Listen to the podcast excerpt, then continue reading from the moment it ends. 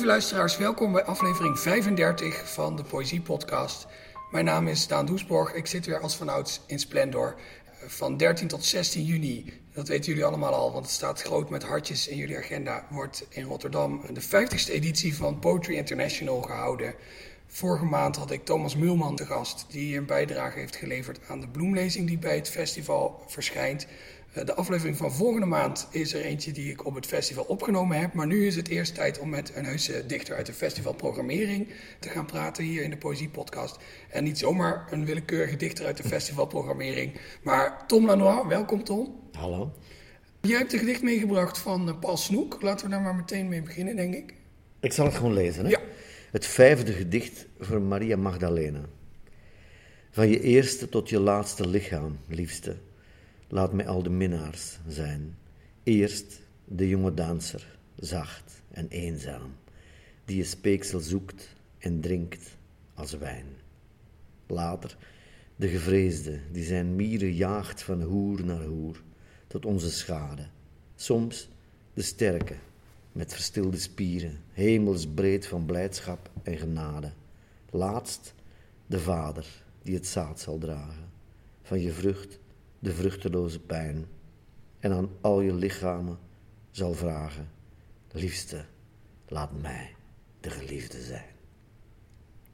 Dankjewel.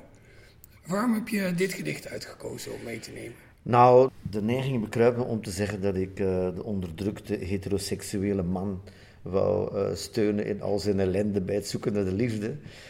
Maar het zijn ook mensen zoals jij en ik, hè, Daan. We moeten die, de, de liefde is de liefde. Uh, maar ik vind het een prachtig liefdesgedicht.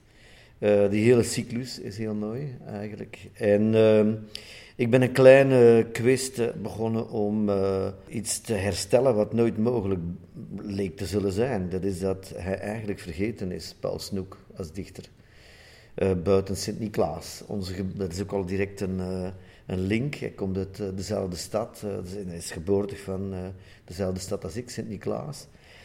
En uh, hij was vroeg, ik heb nu een, een, verhaal van hem gekozen voor een verhalenbundel. Hij heeft heel weinig proza geschreven. Uh, de Man in de Reus, een prachtig uh, verhaal vind ik, wat in te koop babyschoentjes nooit gedragen. Dat is een gedicht op zich, een verhaal op zich en de titel van een bundel met korte verhalen.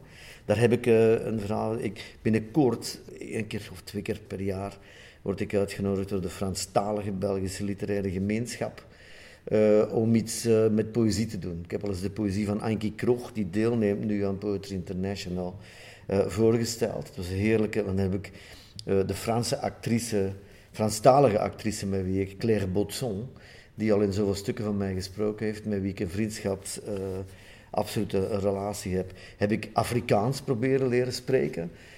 en nu gaan we dus, om terug op Paul Snoek te komen, uh, voor de eerste keer een grote vertaling brengen uit zijn werk. Er komt een boekje en dan gaan we dat presenteren. Dus ik ben echt bezig aan een, uh, iets wat ik in mijn jeugd nooit voor mogelijk had gehouden. En dat is dan toch uh, dat poëzie op zich eh, misschien minder belangrijk wordt, behalve op festivals. Maar dat wil ook zeggen, als de, de, de drager van de poëzie, net zoals vroeger Horesco-referens als het over het woord gaat, de troubadours toen die verdween, de minestreelzangers, toen viel ook eigenlijk niet alleen zijn stem, maar ook zijn werk weg. Ik heb de indruk dat het meer en meer ook met poëzie eigenlijk het geval is. Paul Snoek was in zijn gloriejaren even belangrijk als dichter als uh, Hugo Claus uh, in, in heel Vlaanderen. Ik heb de indruk ook in, in, in de Nederlanden dat hij een, dat hij een heel bijzondere plek was een, uh, een, een opvallende man ook, uitgesproken meningen rokkenjager, ruziemaker, seriële drinker, grote mannenvriendschappen, prachtige vrouwen, alles wat je van een dichter verwacht. Tekende en schilderde ook wel. Dat was dan blijkbaar een traditie. Ik heb me er nooit aan begeven, maar Louis Paul Boon deed dat en Hugo Claus deed dat. Net zoals bij Jolie Lucebert enzovoort. Uh, nu moet ik zeggen dat zijn. Louis Paul Boon was helemaal verschrikkelijk. Dat waren allemaal. Uh, schaars geklede, liefst pissende kleine meisjes die uh, nu absoluut niet meer door de beugel zouden kunnen. Zeker als je dan een aantal van zijn boeken erbij neemt. Die boeken vind ik geweldig, die tekeningen niet. Paul Snoek, ja, het is toch een beetje meer de modieuze trend van die tijd. Hugo Claus, van wie ik een diehard fan ben, geen misverstand daarover. Maar die heeft me verrast door, uh, er was een, ik denk drie jaar geleden of zo in, in Oostende, een overzichtstentoonstelling van zijn beeldende werk. En dat was eigenlijk echt goed. Dat was echt goed. Die zat terecht bij Cobra enzovoort. Paul Snoek, niet als het over schilder gaat, als het over dichters uh, en over dichtwerk gaat, wel. En omdat hij ook zakenman was, en toen der tijd was het ook allemaal heel uh, controversieel, dat hij ook nog zakenman kon zijn en veel op de televisie kwam, in spelletjes enzovoort. Eigenlijk is navenant zijn, zijn reputatie als dichter afgenomen. Hij geloofde er ook zelf nog heel weinig in, maar nu heb ik onlangs uh, op een uh, bijeenkomst waar zijn werk helemaal nog besproken werd, dat was weer in Oostende dan ook, dat was rond die tentoonstelling van zijn beeldend werk, heb ik met uh, zeer veel plezier zijn verzameld werk, wat nu uitverkocht is, waarvan ik hoop dat er een volgende druk komt, gelezen. En in tegenstelling tot ook mijn herinnering, is het tweede deel van zijn werk eigenlijk heel goed moet dat herontdekt worden. Daar komt dit gedicht wat ik nu net gelezen heb niet uit. Dat is echt uit de glorieperiode. Is een, uh, maar er zit een knik in zijn werk en dat is uh, een bundeltje wat een van lang mijn favoriete bundeltjes geweest is. Gedrichten heette dat. En dat waren parlando-achtige, uh, wrange light verse-achtige bespiegelingen en een beetje antipoëzie werd toen genoemd. En dat werd beschouwd als een, een, een bijna uh, afscheid, een, een, negatief testament. Als een soort, uh, ik geloof niet meer al te veel in de poëzie. Maar daarna heeft hij echt nog heel veel heel mooie gedichten geschreven. En denk ik dat het echt tijd wordt om, uh, om dat opnieuw te ontdekken. En om um, opnieuw die plek. Heb, hij hoorde toen tot een band, waren dan ook, je had dan Huug Pernat, nog zo'n toen heel grote dichter, vriend van Hugo Claus. Met hele lange, heel hermetische, bezwerende gedichten. Een beroepsmilitair was het dan ook nog. Heel bizar. Uh, die is nou ook helemaal vergeten. Kijk, als je schrijft, dan moet je, zelf als je veel optreedt zoals ik, waar je weet het moment is belangrijk. Als je schrijft, moet je denken dat het voor de eeuwigheid is, met een korrel zout. Maar dat het zo snel en zo hard gaat voor iemand die uit mijn geboortestad bovendien komt en die zo'n mooie gedichten heeft geschreven, dat vind ik eigenlijk onrechtvaardig. Er moet een artistieke vierschaar komen, dus ik kan dat niet alleen. Maar we moeten uh, Paul Snoek herstellen nou ja, in zijn grootheid. En tegelijk merkwaardig genoeg met heel zijn reputatie als een van onze grote liefdesdichters. Het begin is vastgemaakt, want ik heb nu 39 dichters geïnterviewd voor deze podcast. Hugo Claus is nog niet voorbij gekomen, maar Paul Snoek nu wel. Ja. Dus laat dit het uh, beginpunt zijn van de grote kentering. Dat hoop ik wel. Wat ik zo, zelf zo opvallend vond aan dit gedicht is dat hij steeds zo... Eigenlijk, het wordt steeds net niet corny. Ja, ja. Hè? Dat, De thematiek is natuurlijk, ja, die, die zet de deur wagenwijd open om in die val te trappen. Ja. En af en toe denk je ook, omdat het natuurlijk ook zo strak A, B, A, B ja. rijmt, ja. denk je, oh, pas Snoek, pas toch op jongen, straks, uh, straks uh, ga je... Maar het is heel, in, in veel van zijn andere, ik ken er een paar uit het hoofd, uh, Tabula Rosa, Um, oh, ging nou, zeg dat ik dat van buiten ken, dan moet ik het ook wel uh, doen eigenlijk. Um, uh, ik zal er straks wel. Ik ja. moet de eerste zin nog vinden. Maar dus, dat is wat je uh, bij hem wel heel erg vaak ziet, is dat het um, niet schuwt om woorden die bijna verbannen zijn, omdat ze zo romantisch zijn en zo'n ja, poëziealbum achtige waarde hebben. Dus er zijn woorden die, net zoals bij Scrabble, uh, als je een x en een, uh, een y in krijgt, dan krijg je veel punten. Er zijn bepaalde woorden, sneeuw en stilte en kralenketting en tranen enzovoort. Die moeten al heel sterke dichter zijn. Dan zie je dan, maar je kan daarmee spelen en dat is nou echt uh, absoluut wat, wat, wat hij doet. Is, is in, in, in vele gevallen tabula rosa. Dit zou moeten zijn het enige leven. Een overgouden man, geschapen om zijn schoonheid en om anders niets. Een wonder van georganiseerde organen, dat de asem van zijn spieren inhoudt als een stier en als geen ander dier. Een man, die de duistere ruimten verlicht met een desnoods sterfelijk oog, maar die voor alles zal zijn het bewijs van zijn schepping en van anders niets. En je voelt ook in dat gedicht, uh, wat, wat mij zo bevalt, is dat zonder dat het plezier dichter wordt. Ik heb er niks tegen, maar dat is de entertainmentkant van wat kunst kan zijn. En uh, niks is uh, tegen goed entertainment, maar als ik moet kiezen, kies ik dan toch voor de kunst die, die, tragicom, die tragicomisch wil en durft te zijn. Wel, dat heeft, dat heeft Snoek. Je denkt altijd van, en dat heeft Klaus ook heel erg, dat je opeens toch een, dat het detoneert in of het vulgaire, of het um, gezwollene, of het theatrale, of het, uh, ja, net niet of net juist wel te romantische, ja. Dat het, dat het een beetje André Hazes ook dreigt te worden. En dat vind ik juist geweldig. Dat vind ik juist geweldig. Dat je op voorhand, maar dat wil zeggen dat je op voorhand niet helemaal weet bij die toon. Wat zal de volgende regel brengen? En ook, en dat merk je dan ook zeker bij die, de gedichten en daarna, dat er, is, er zijn geen grenzen die woorden buiten houden. Dat is voor mij toch het, een van de, de waarmerken van uh, een grote dichter, is dat uh, je niet op voorhand uh, al weet van, ach ja, daar, daar, worden woorden buiten gehouden, die krijgen geen paspoort om binnen te komen. Ik heb wel eens een recensie gelezen van, van Ankie Krog, ik zal ze maar nog eens vernoemen, mijn grote vriendin. En idool, ze is bijna buurvrouw in Kaapstad ook.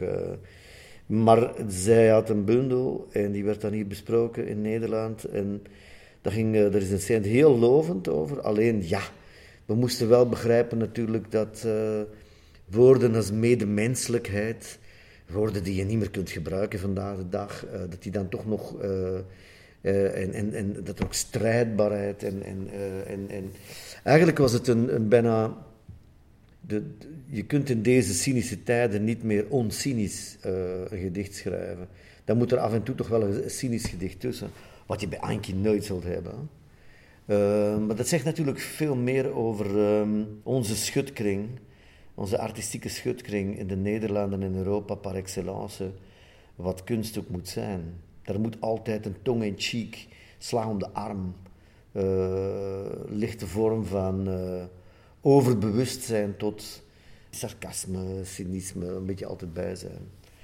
En dat vind ik dan zo heerlijk dat je verwacht dat toch wel een beetje ook van hem, dat in die gedichten van Maria Magdalena, je kan ook de, dan helemaal opsnorren, het, is dan ook, het gaat dan terug op, een, uh, op natuurlijk een van zijn grote geliefdes. En dan, maar dat, dat mag niet donderen, dat is een bijkomend, dat is zoals het Koningshuis. Uh, die, blaadjes mogen er wel zijn. Het is soms wel interessant om te weten wat dan achter de schermen van het Koningshuis gebeurt aan amoureuze en scandaleuze bekommernissen.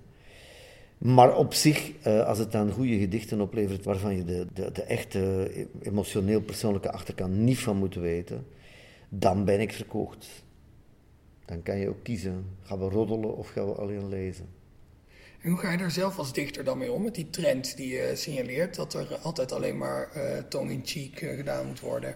Uh, dat niet altijd opvolgen. Dus af en toe ook. Ik zit hier nu onder andere omdat ik in dit weekend ehm, in Nederland, mogen we dat zeggen eigenlijk? Of het, ja, we, moeten, we doen niet alsof we al in Rotterdam zitten. Nee. Ik zit in Amsterdam. Eens te meer na het poëziegeschenk mocht ik dan weer opdraven nu. Met alle plezier hoor in, in een van de grote Nederlandse fenomenen als het over cultuur gaat. Heb een poëziegeschenk heb ik mogen doen, een boekenweekgeschenk. Ik hoop ooit het uh, boekenweek essay te mogen uh, schrijven. Maar nu ben ik hier voor uh, Theater na de Dam, wat op tien jaar tijd zo'n enorme vlucht heeft genomen.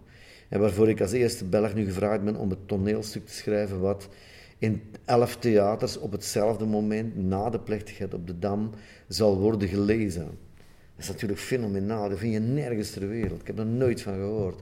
Dus alleen al als theaterauteur wil je dat doen. Maar ook artistiek wil het zeggen, je schrijft toch iets wat mee in die traditie van wat er al bestaat. Grunberg heeft het al eens gedaan, Rebecca de Wit heeft al eens geschreven. Uh, en twee, ook in de traditie van herdenken, het bevragen van herdenken. Dus dat Het zou dan bijzonder jammer zijn om een stuk te schrijven wat alleen maar polemisch en zeker een stuk wat alleen maar cynisch of sarcastisch. Wat kan, hè? je kan dat doen, hè? ook over herdenken en over de, de herdenkingsindustrie die we in België heel erg gezien hebben nu bij de herdenking van de Eerste Wereldoorlog. Maar daarbinnen waren ook prachtige, goede, ja, heel universele herdenkingen, uh, ingrijpende artistieke projecten. Ik heb ook een aantal daar, daarvan mogen doen. Nu, dat is een heel omtrekkende beweging om te beantwoorden dat ik niet vrij ben van cynisme. Ik ben ook maar een Europeaan. Maar door drie, vier maanden per jaar in Kaapstad eh, te wonen en al op zich... Ik vind hysterie uh, en cynisme heel erg in elkaars verlengde liggen. Het is ook gemakzuchtig. Iemand die alleen maar cynisch is, weet je al, het is ook saai. Je weet op voorhand wat je zult krijgen. Dus um, ik vind dat te beperkend. Maar je mag het ook niet uitsluiten. Mag het ook niet uitsluiten. En dat is als je het hele werk van Paul Snoek dan leest. Ik vond het verwonderlijk dat hij in, die, in het proza, en nog eens, ik kan alleen maar die bundel aanraden met korte verhalen, zo prachtige andere korte verhalen in natuurlijk. Een, een, genre wat ook uh, net zoals theaterliteratuur, toneelteksten of, of poëzie om te lezen, toch niet echt, laten we zeggen, vooraan in de rij staat als er boeken worden aangekocht. In, in, die korte verhalen van hem is hij um, ook merkwaardig, bijna melancholisch. En als je dan dat hele werk neemt, dan krijg je een rijk palet.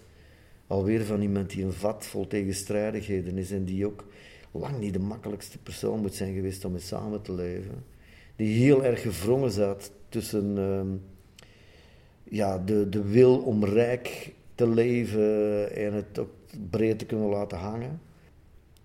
En, en anderzijds toch erkend te worden als de, de, de dichter van la poëzie pure, la poëzie muzikaal die hij absoluut was. En er zit een, een, een, een, rare. Dus dan ging hij overdrijven als. Uh, ja, dan ben ik maar de ondernemer enzovoort. En toen was het nog, ik heb, ik heb zelf nu ook een, een Alfa Romeo als eerbewijs aan M. Pasolini en hem. En omdat ik dat lekkere wagens vind.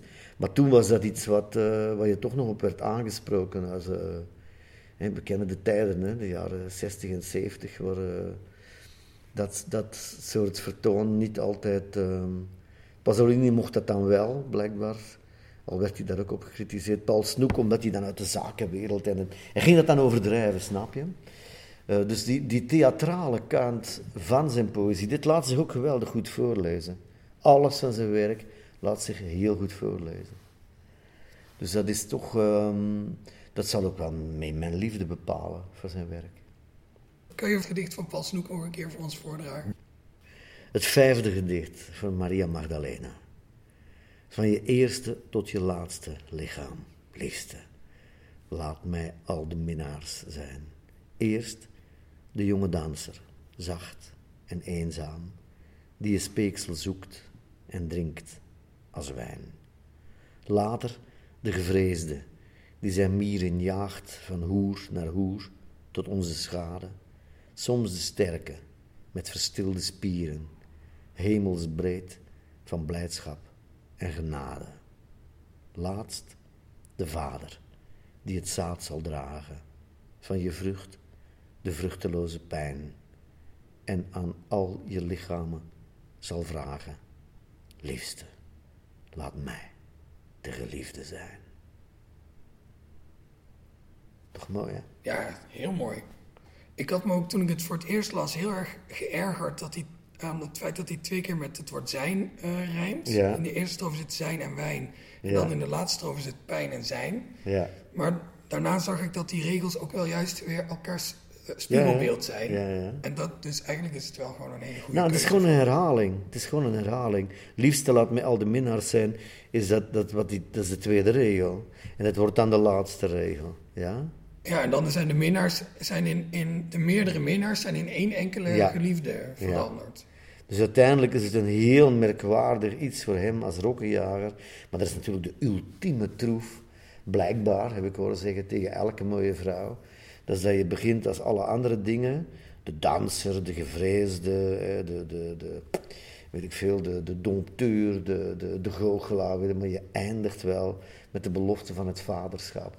Dat dat eigenlijk is wat je zoekt. Niet de schoonheid, maar wel de moeder in de vrouw. Ik heb me laten vertellen dat het een sterke troef is. Ik geef het maar even mee, Daan. Ja, ik, Uh, ik zal het onthouden. Het, hij heeft haar wel verlaten, hè, Maria Magdalena ja, uiteindelijk. ja, ja, ja, natuurlijk dan. Dit is, dit, dit, dit- ja, is het spel. Maar, eh, ja. of, of zij was moeilijk, ik weet het niet precies meer. Maar eh, ik vind het dan leuk om die roddels te weten, maar eigenlijk ik wil ze ook dan weer zo snel mogelijk vergeten. Ja, dat klopt. Nou, laten we dan snel doorgaan met het gedicht van uh, Eigenmakelij dat je Ja. meegebracht hebt. Eh, jij schreef eerder dit jaar in de Poëzieweek, of nou ja, dat had je natuurlijk al geschreven, maar toen kwam het Poëziegeschenk uit van jouw hand. En daar wilde jij een gedicht uit lezen. Ja, eigenlijk het, het, het, het laatste gedicht. Omdat, hoe klein zo'n bundeltje dan ook is, je probeert daar toch een soort eh, eenheid in te brengen. En tegelijkertijd eh, ja, je persoonlijkheid een beetje tot uiting te laten komen. Dat wil zeggen, veel theatrale gedichten. Dat wil zeggen, eh, heel diverse technieken. Een paar bewerkingen. Mijn, favoriet is dan Tooglied. In tijden van hashtag MeToo, een bewerking van een deel van het, van het hooglied, wat het fantastisch doet. Met een muziekje erbij op het podium en met een, eh, met een assistente, liefst. Maar het, het moest ook persoonlijk zijn. Dus het heeft een soort motto, eh, zonder handen, zonder standen. Want wat ik ook zo geweldig vond, is dat het poëziegeschenk een, eh, een thema heeft. Dus het, het opgelegde thema was vrijheid. Wat ik op zich al een prachtige paradox vind. Dus dat is dan heerlijk om, om, om in al die eh, gedwongen vrijheid dan toch weer heel vrij te proberen te zijn. Maar het moet ook afronden met iets. En dan kom je al snel bij een, eh, een envoi. Een envoi, eh, zoals Clauser een aantal heeft geschreven. En natuurlijk, het is een, een heel oud, middeleeuws. Zitten we toch weer bij die minstrelen enzovoort, de rederijkers en de envois. Maar dat wel totaal verkeerd gespeld. L'envoi de la noix. Waarmee ik mijn bundeltje wil afronden, maar ook toch iets over mezelf wou zeggen. L'envoi de la noix. Nageslacht. Zo u nog leest en dit verzoekschrift tot u neemt, wees streng. Ik schoot in alles wat ik deed tekort, gemeten naar de sterrenhemel, waarin ik mij verloor, nog voor ik hem tot dansparket kon temmen. Ik had hem willen voelen aan mijn blote voeten, terwijl ik walste met de zon. Nog steeds vergis ik mij in de aanraakbaarheid van elke horizon. Als ik mij haat, is het daarom. Ik ken geen maat. Altijd te veel, te luid, te grof, te groot, te graag en nooit genoeg. Een drietal zielen in één borst. De nar, de nerd en een vertwijfelde die zijn verlossing zoekt in zwoegen. Toekomstige, zo u nog leest en deze smeekbeden tot u neemt, wees mild. Het zijn geen adelbrieven die ik voor kan leggen, geen dwangbevel, geen bedelwoord van boeven met het koord al om een nek. Ik vraag u niets en voer ook geen verborgen protocollen in mijn schild. Als ik u raak, hoop ik hierom. Hooguit mijn spraak, waarvan de klank bedoeld is om het lot, ook zonder God, van elk van ons, hoofdschuddend, maar des te meer meeslepend te bezingen. Tot slot, het vreed besluit dat na die opera geen echo klinkt, laat staan gejuich. Alleen het zwijgen van miljarden levens, ooit bestaand, voluit, voldaan en nu verdwenen. Weer stof en slik, weer één. Zo zal het ons ook vergaan. Ik ben maar u en u bent ik. Dankjewel. Graag gedaan. Heb je het eh, misschien ook een klein beetje l'envoi de la noix genoemd om de Nederlanders te leren hoe je je achternaam uitspreekt?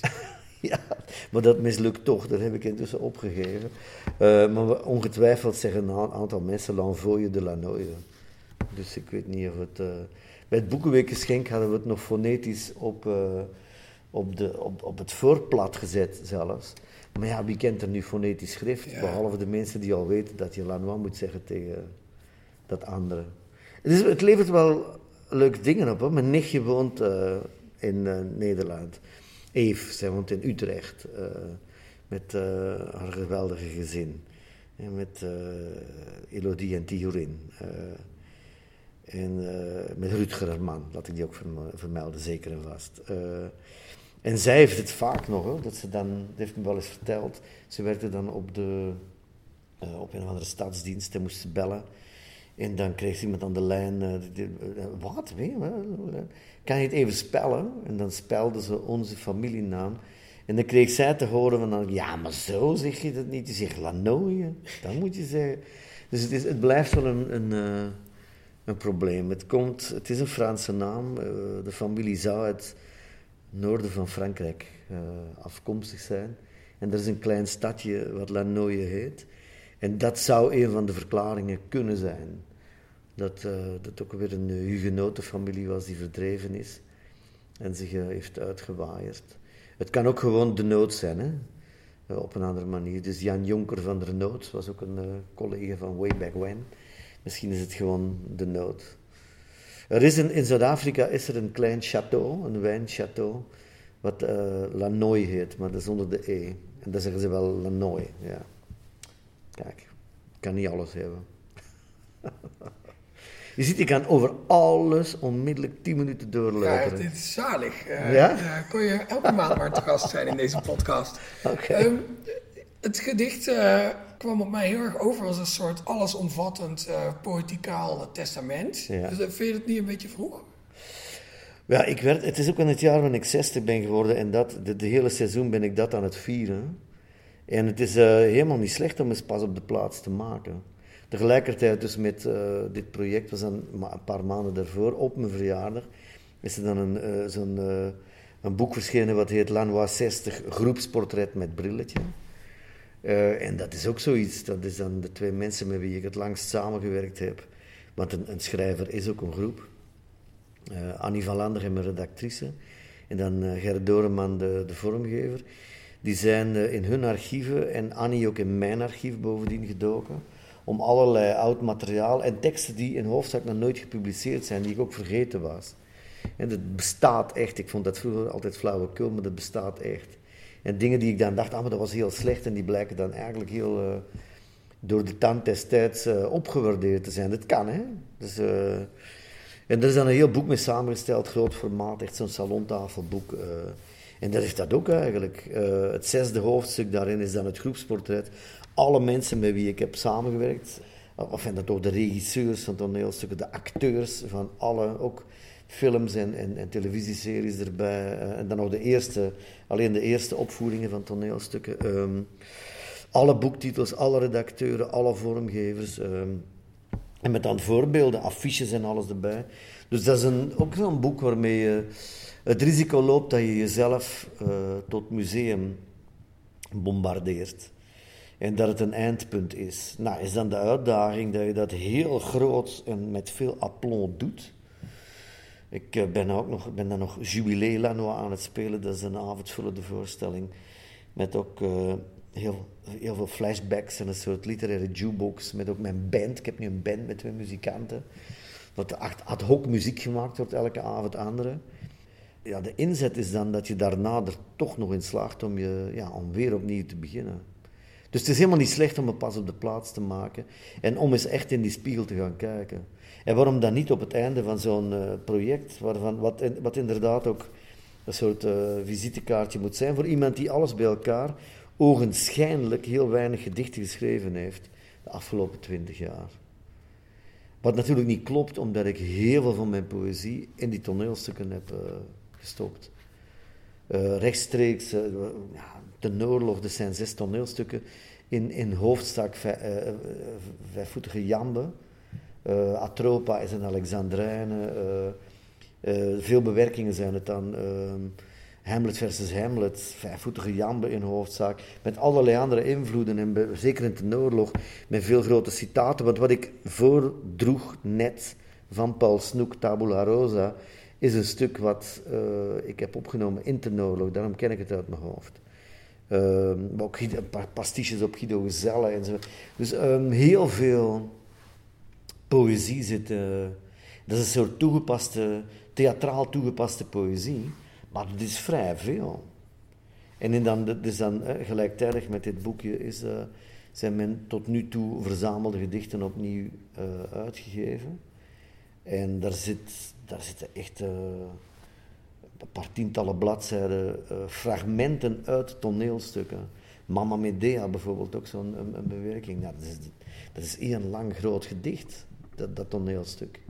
Omdat ik erin geloof dat het spreken op een realistische wijze op toneel ja, te, te eenduidig is.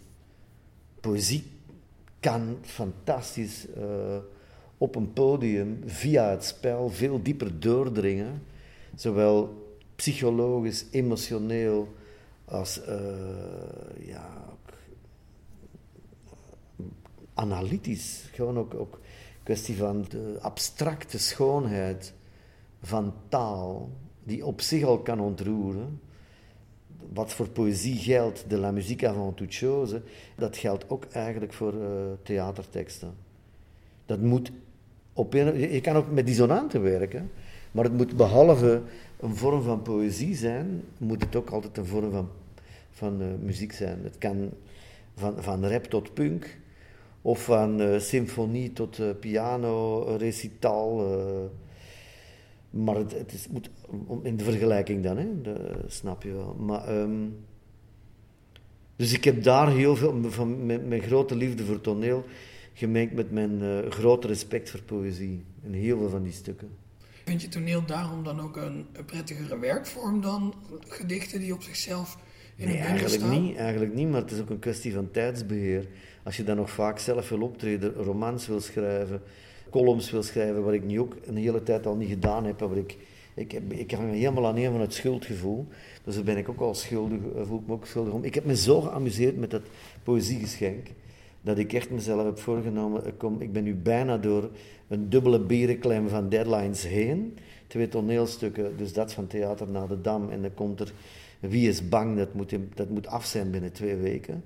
Dus heb ik nog heel wat uh, uh, nachtwerk voor te kiezen. Maar dat lukt, dat lukt.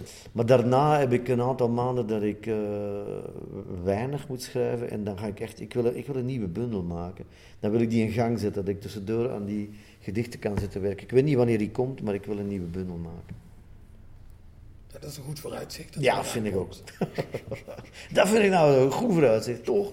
Neem ik eindelijk, omdat ik... Uh, voor mij is een schrijver ook iemand die dat... Die, ja, je moet echt in, uh, je moet in de breedte, je moet in de diepte, je moet in de hoogte. Eh, je moet echt gewoon nou, op je zesde. En dat was het enigszins geruststellend.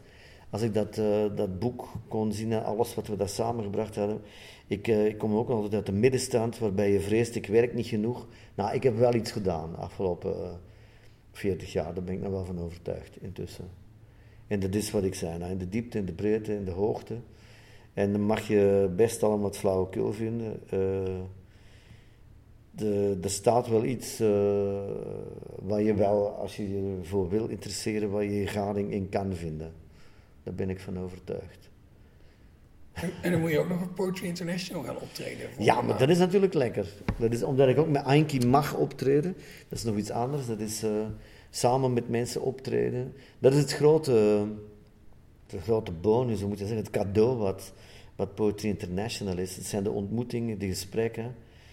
En dan ook ja, samen uh, op podium iets doen. Hè. En dan met Anki, ja, je mag me s'nachts wakker maken en zeggen je moet binnen vijf minuten optreden met Anki Krog. En dan, uh, dan spring ik mijn bed uit zonder te douchen het podium op. Dat gaan we proberen, denk ik. Ja, gaan we proberen. Voor International. Zou je je gedicht nog een keer uh, voor ons voor willen dragen? Ja. L'envoi de la noix.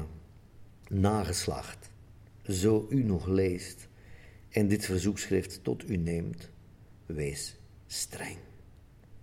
Ik schoot in alles wat ik deed tekort, gemeten naar de sterrenhemel waarin ik mij verloor nog voor ik hem tot dansparket kon temmen. Ik had hem willen voelen aan mijn blote voeten, terwijl ik walste met de zon. Nog steeds vergis ik mij in de aanraakbaarheid van elke horizon. Als ik mij haat, is het daarom. Ik ken geen maat. Altijd te veel, te luid, te grof, te groot, te graag en nooit genoeg. Een drietal zielen in één borst. De nar, de nerd en een vertwijfelde die zijn verlossing zoekt in zwoegen. Toekomstige, zo u nog leest en deze smeekbeden tot u neemt, wees mild. Het zijn geen adelbrieven die ik voor kan leggen, geen dwangbevel, geen bedelwoord van boeven met het koord al om hun nek. Ik vraag u niets en voer ook geen verborgen protocollen in mijn schild. Als ik u raak, hoop ik hierom. Hooguit mijn spraak, waarvan de klank bedoeld is om het lot, ook zonder God, van elk van ons, hoofdschuddend, maar des te meer meeslepend te bezingen. Tot slot het vreed besluit dat na die opera geen echo klinkt, laat staan gejuich. Alleen het zwijgen van miljarden levens, ooit bestaand, voluit, voldaan en nu verdwenen. Weer stof en slik, weer één. Zo zal het ons ook vergaan. Ik ben maar u en u bent ik. Dankjewel, Tom Lanois. Dit was aflevering 35 van de Poëzie-podcast. Die wordt gemaakt door mij, Daan Doesborg, in samenwerking met Vrij Nederland en de Stichting Literaire Activiteiten Amsterdam.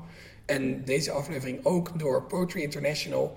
Van 13 tot en met 16 juni in Rotterdam wordt de 50ste editie van dit prachtige festival gehouden. Ga daar allemaal heen. Als u dit luistert, dan is er nog ruimschoots tijd om eh, een kaartje te kopen. Behalve als u dit over vele maanden luistert, dan is het al lang geweest. Volgende maand is er een aflevering van de Poëzie Podcast die ik op Poetry International heb opgenomen. En dan spreek ik met een uh, prachtig uh, wildboeket aan dichters van over de hele wereld. Dank aan Splendor, waar ik deze podcast ook dit keer weer opgenomen heb. De muziek bij deze aflevering werd gecomponeerd door Bart de Vrees. Dank u en graag tot de volgende keer.